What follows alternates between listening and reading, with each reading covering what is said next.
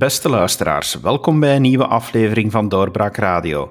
Ik ben David Geens en mijn gast vandaag is Bart van Kraaienest, hoofdeconoom bij VOCA en auteur van het boek Terug naar de feiten. Welkom meneer van Kraaienest. Goedemiddag. Meneer Van Kraaienest, ik wilde met u praten over inflatie.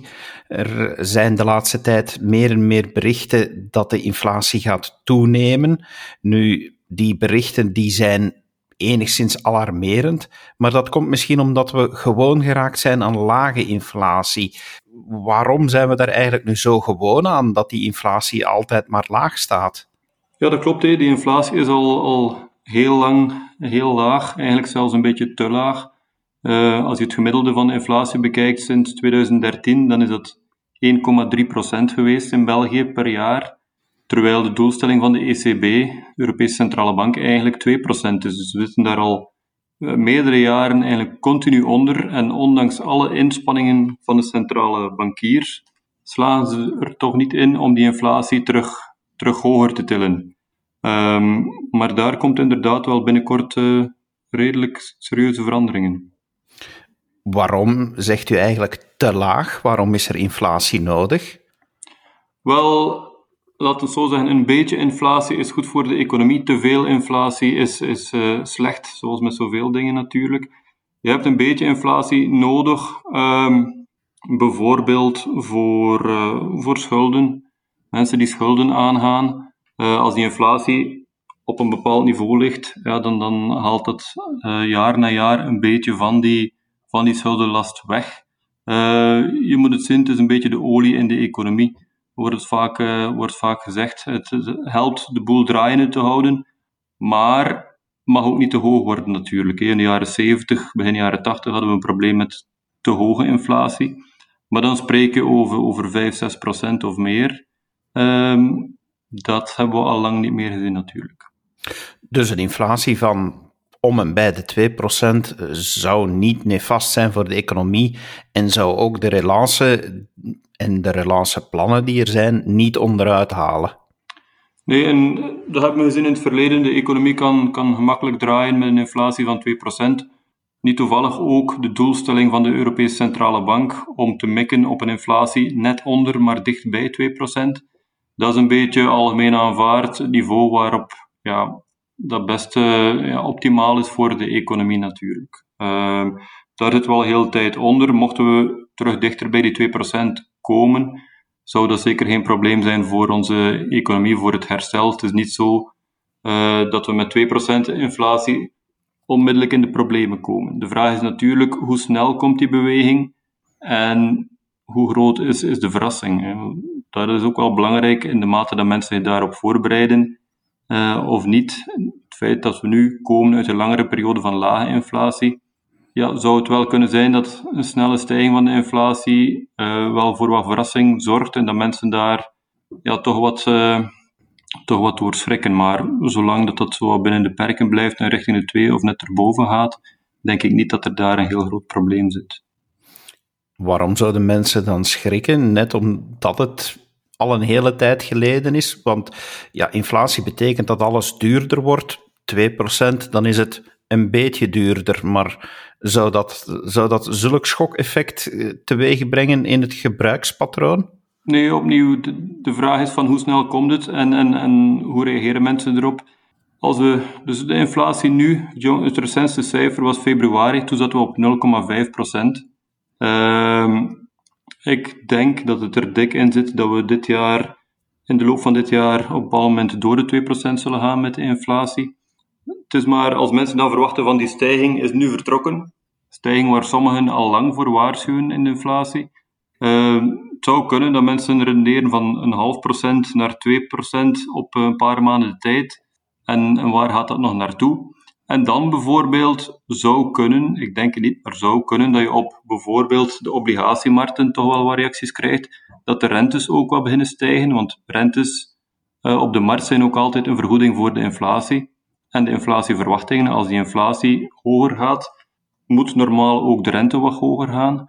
Uh, weer al, als dat stopt aan 2% met die inflatie, dan denk ik, moeten we ons daar geen grote zorgen over maken. Maar misschien vrezen mensen op dat moment dat die beweging wel wat doorschiet. En dan zou je ook wel wat hogere rentes kunnen zien. En dat geeft natuurlijk implicaties voor iedereen die, uh, die schulden wil aangaan. Kan dat dan ook gevolgen hebben voor de economie als die rentes doorschieten? Ja, mochten ze doorschieten, kan dat wel gevolgen hebben. Dan, bijvoorbeeld via, via de rentes. Um, in België, denk ik specifiek via de, via de loonindexering, kunnen we misschien op terugkomen.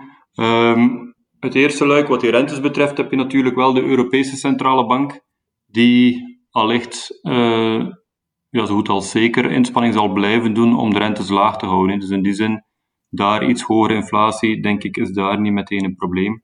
Voor België specifiek hebben we natuurlijk die automatische loonindexering, die ons wel voor wat, wat parten zou kunnen gaan spelen. In welke zin? Waarom is de loonindexering iets wat parten speelt? Want uiteindelijk is dat toch hetgeen wat ervoor zorgt dat de consument, dat de werknemer, de werkende, eh, weinig of geen gevolgen ondervinden van inflatie. Ja, klopt. In ons land hebben we via die automatische loonindexering wordt de consument volledig afgeschermd, niet volledig, maar bijna volledig afgeschermd van inflatieschommelingen. Maar ja, iemand moet het natuurlijk wel betalen. En dan is het bij ons zit dat vooral bij de bedrijven. Wij hebben die automatische loonindexering als een van de enige landen ter wereld. Um, als die inflatie hoger uitkomt, ja, dan gaan ook de loonstijging automatisch hoger zijn, want die loonindexering, ja, term zegt zelf, verloopt automatisch. Als je nu het loonoverleg, dat nu heel moeizaam verloopt, waar telkens verwezen wordt naar die 0,4% marge voor loonstijging de komende twee jaar, wel, dat is 0,4% bovenop de verwachte inflatie voor de komende twee jaar. En die verwachte inflatie, twee maanden geleden, toen uh, de CRB het loonrapport opstelde, kwam die verwachting op 2,8%. Dus eigenlijk wordt er nu onderhandeld voor loonstijging voor de komende twee jaar 2,8% verwacht via indexering plus 0,4% reële marge. Met de jongste ontwikkelingen um, bijvoorbeeld in de oliemarkten, ga ik ervan uit dat de inflatie een pak hoger zal uitkomen over die twee jaar dan die 2,8% waarop het eh, loonrapport nu gebaseerd is. Dus dat, dat betekent automatisch dat die loonstijgingen hoger zullen zijn dan wat nu op tafel ligt in de onderhandelingen.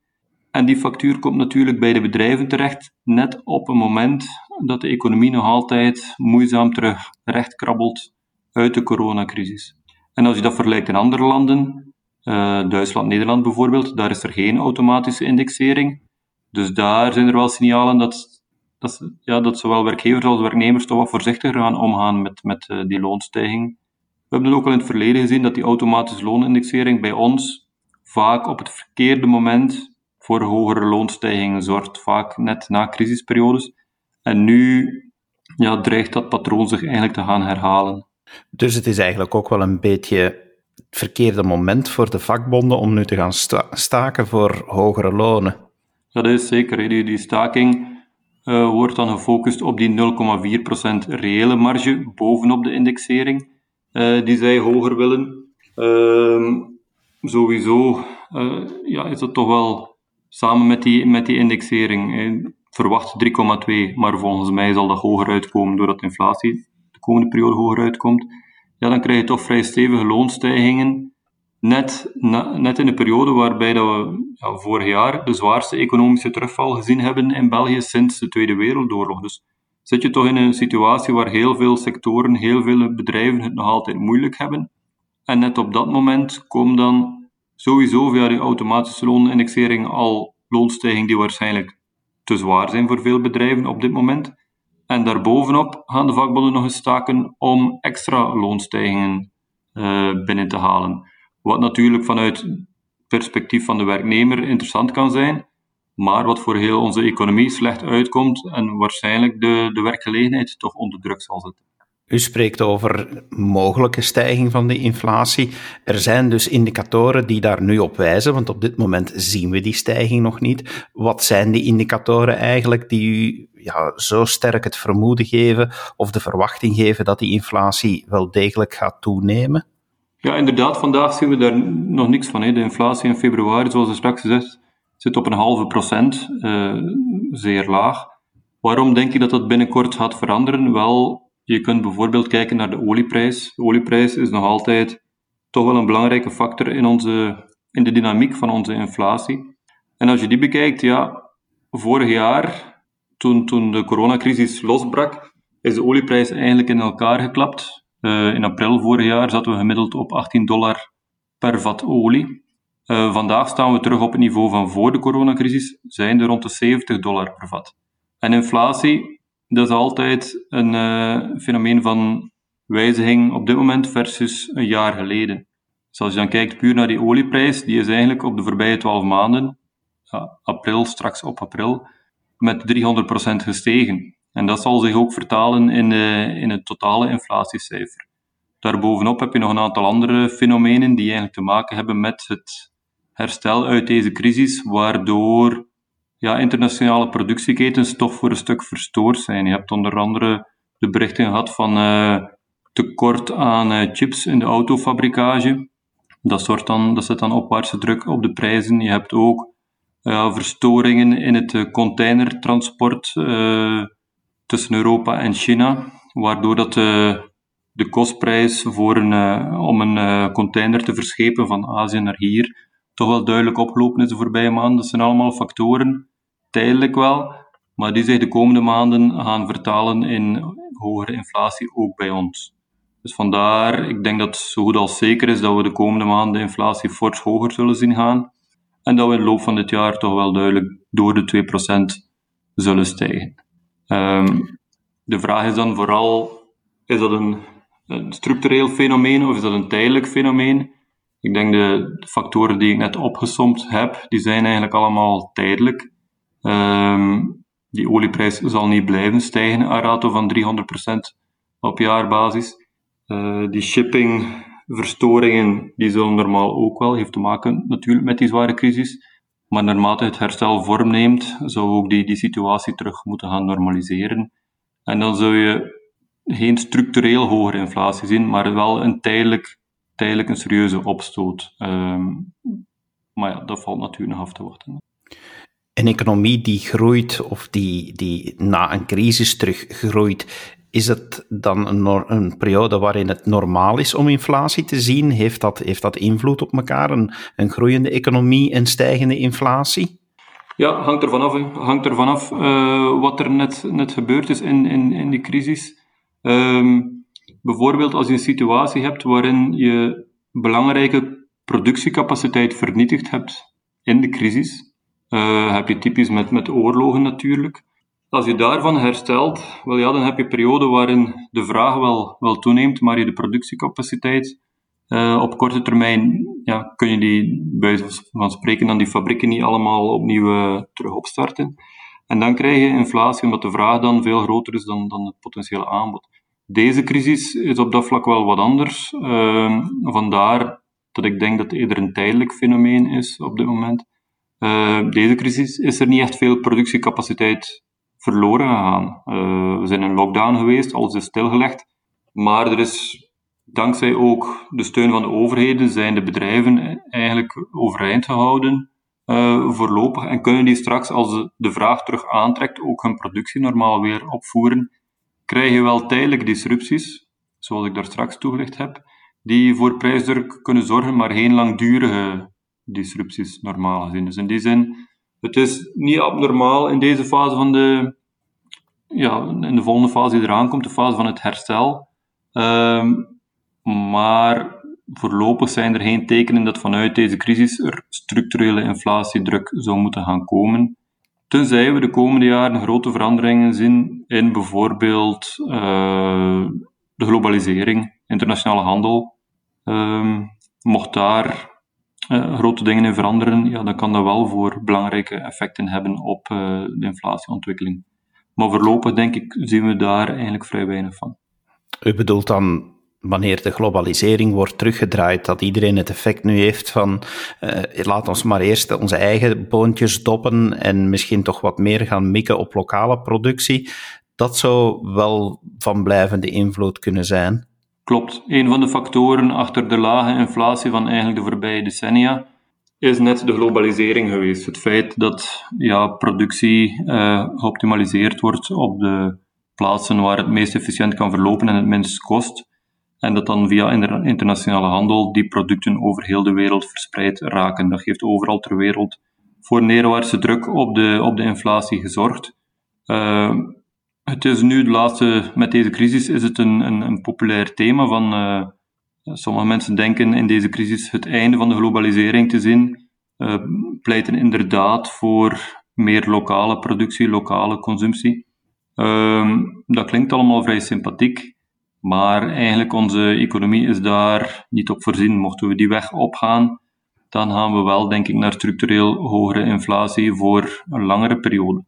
Um, ik denk dat zo'n vaart niet zal lopen, maar het is maar om aan te geven dat is een van de risico's. Mochten we die, uh, die piste uitgaan en ons eigenlijk lostrekken van die globalisering en meer op onszelf gaan richten, dan gaat dat ten koste gaan van hogere inflatie en ten koste van lagere welvaart toekomst. Is er een wisselwerking tussen de inflatie en de relanceplannen van al de overheden tezamen? Ja, dat is een, uh, een fenomeen dat ook soms aangehaald wordt. Hè. Als er nu massaal geld bijgepompt wordt in de economie, als dat eigenlijk, laten we zeggen, te veel geld erin gepompt wordt, dat je dan de economie zou over, oververhitten. Als er meer vraag gecreëerd wordt dan er productiemogelijkheden zijn, dan dreig je daarmee de economie te oververhitten en dan kun je inflatie gaan krijgen, omdat dan natuurlijk die vraag, die extra vraag, voor prijsdruk gaat zorgen. Um, dat is een risico, maar ik denk dat dat beperkt is gezien de diepte van de crisis waar we vandaan komen. Gezien ook het feit dat we voor deze crisis al, al met uh, ja, niet op volle toeren draaiden, zeker niet in Europa, is er daar wel wat ruimte. We kunnen de economie echt wel een paar serieuze duwen in de rug geven, zonder dat we moeten gaan vrezen voor oververhitting. In de Verenigde Staten, denk ik, is dat risico uh, reëler, want daar zie je wel dat de nieuwe president Biden daar met zijn, eh, met zijn nieuwe relanceplan van 1900 eh, miljard dollar. Ja, dat is natuurlijk wel van een heel andere grote orde dan wat we hier in Europa aan het proberen zijn op dit moment. En dat kan daar wel gaan zorgen voor, voor, uh, ja, voor een te sterk draaiende economie. Maar ik denk in deze fase van de crisis, zelfs in de Verenigde Staten, is het denk ik geen slecht idee om eerder het risico te nemen van wat te veel te doen dan het risico nemen van te weinig te doen. En de Verenigde Staten uh, lijkt die keuze inderdaad te zijn van we gaan nu volle, voluit. En als de economie dan zou gaan oververhitten, dan kunnen we altijd nog weer op de rem duwen via het monetaire beleid. Um, maar dat is niet, denk ik, meteen voor morgen. In Europa blijven we voorlopig toch wel wat voorzichtig met die stimulusplannen. Er is meer gedaan dan na de vorige crisis, maar al bij al gezien de ernst van de crisis, um, ja, is nog altijd wel een voorzichtige kant. Dus in Europa, die oververhitting, denk ik, moeten we ons zeker geen uh, zorgen over maken. We zouden nog best wel wat meer kunnen doorduwen op Europees niveau dan om de economie terug aan de praat te krijgen. Maar dat lijkt voorlopig moeilijk te liggen. De vergelijking met Amerika die u net maakt, gaat niet alleen over de grote orde van de relatie. In, in de VS is dat inderdaad natuurlijk een, een heel groot pakket, maar misschien ook de manier waarop, want Biden werkt toch ook voor een stuk met een helikoptergeld door effectief geld te geven aan de mensen. En dat is toch iets wat hier in Europa voorlopig nog altijd niet op de plannen staat. Ja, je kunt erover discussiëren hoe dicht dat ze bij helikoptergeld gaan, maar inderdaad, de Verenigde Staten, Biden gaat daar toch één stap verder dan, dan in Europa. In Europa heeft de centrale bank ook geld bijgedrukt om dan schuldpapier te kopen van de overheid, niet zozeer om het geld rechtstreeks bij de mensen te leggen. Uh, daarin gaat, uh, gaat, Biden nog wel een stapje verder. Um, daar hebben we ook gezien, na 2008 was daar heel veel rond te doen, dat dat geld bijdrukken door centrale banken automatisch voor hogere inflatie zou zorgen. Klonk toen vaak als waarschuwing, onterecht hebben we gezien. Nu is het inderdaad zo, Biden gaat daar nog wel een stap verder. En, en, dat is wel één, denk ik, om, als er risico's zijn op structureel hogere inflatie, dan liggen die vooral in de Verenigde Staten. En die, die zullen moeten opgevolgd worden. Maar weer al, eerst moet de economie normaliseren. Zo, zo, zo werkt het dan. Eerst komt al de stimulus in de economie. Normaliseert dan de economische activiteit. En als je dan blijft bijduwen als overheid, ja, dan dreig je de boel in overdrive uh, te duwen en in oververhitting en dan krijg je inflatie. Dus ik denk nu de eerste periode is voor de Verenigde Staten de focus vooral op we gaan zo snel mogelijk die economie weer op volle toeren doen draaien. En daarna zien we dat nog wel. En dan bestaat zeker het risico dat er niet voldoende ingegrepen wordt of niet voldoende uh, rekening gehouden wordt met de risico's van inflatie. En, en dan kan dat inderdaad wel gaan, uh, gaan oplopen de komende jaren. Uh, maar daar zijn we vandaag nog niet. En nogmaals, in Europa zitten we op een heel ander uh, spoor op dit moment. Met toch wel een veel voorzichtigere aanpak in die context. Misschien zelfs te voorzichtig. in Europa, denk ik, zal het voorlopig blijven bij een tijdelijke opstoot in de inflatie de komende, ja, de komende 12 maanden, als u wil. Die daarna wel weer, weer zal afkoelen.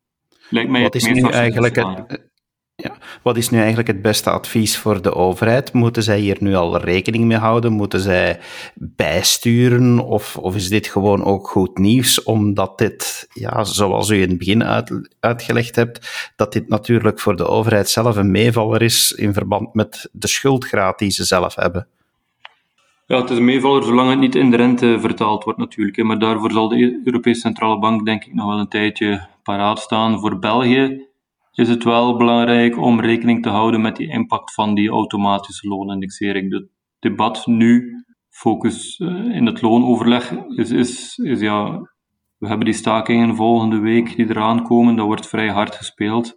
Maar als we daar nu, als we nu daar gaan, ja, gaan voor te sterke loonstijging, dan dreigen we ons in de relatie in eigen voet te schieten. Uh, de focus zou toch wel moeten zijn. Iets hogere inflatie is zeker op zich geen probleem, maar via die automatische loonindexering bij ons ja, dreigen we dat toch wel al snel te betalen in een uh, aangetaste concurrentiekracht van onze bedrijven.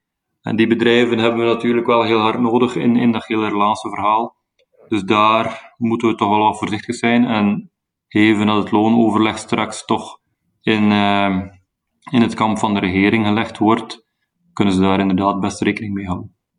Dus het is inderdaad voor de regering wel even opletten dat ze de vakbonden nu niet te sterk aanvoeren of gelijk geven, maar eerder voorzichtigheid aanmanen aan al diegenen die betrokken zijn nu bij het loonoverleg. Ja, wel sterke loonstijgingen kunnen sympathiek eh, overkomen natuurlijk voor, voor, uh, voor de consument, voor de werknemers. Eh, is natuurlijk aangenaam, maar als het dan iets later ten koste gaat van jobs, dan je daar wel opnieuw, uh, ja, dan, dan, betaal je die prijs wel. Dus ik denk dat in deze fase van, het, van de crisis en, en straks hopelijk het herstel, is het aangewezen om in eerste instantie wat voorzichtiger te zijn.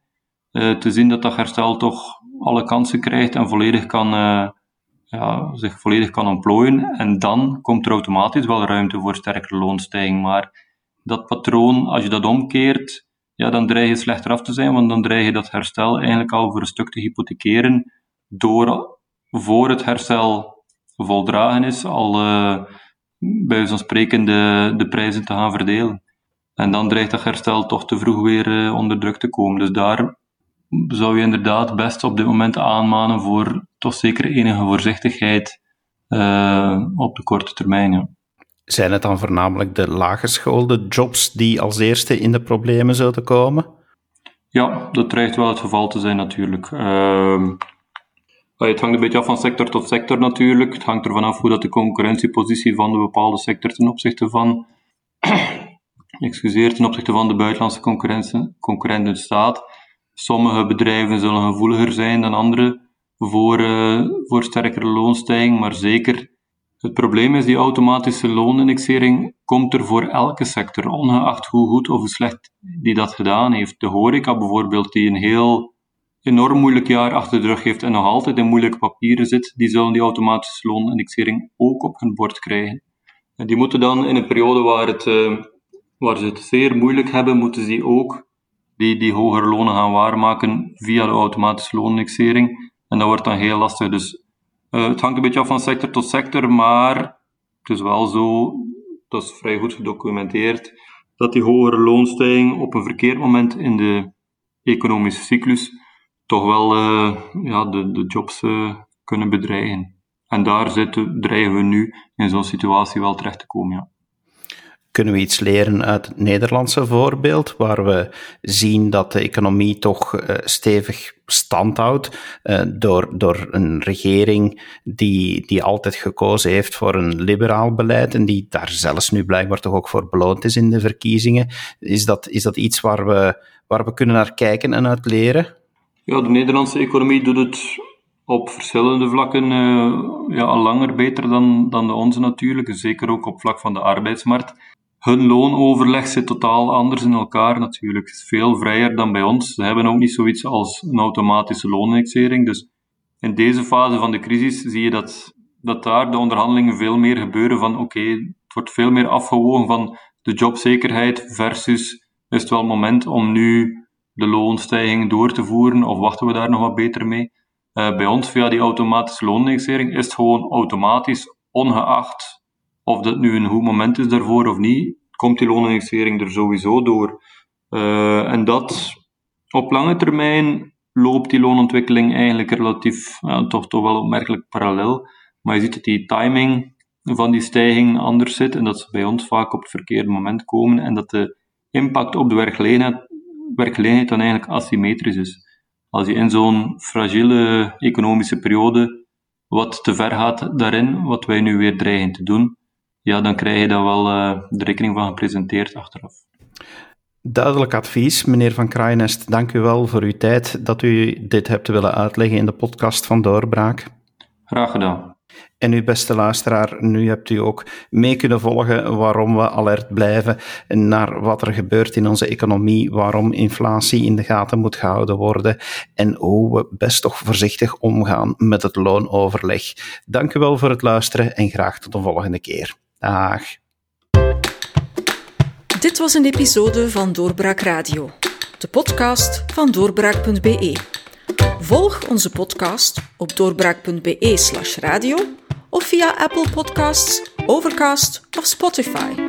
Bezoek ook onze website op doorbraak.be en steun ons door een vriend te worden van Doorbraak.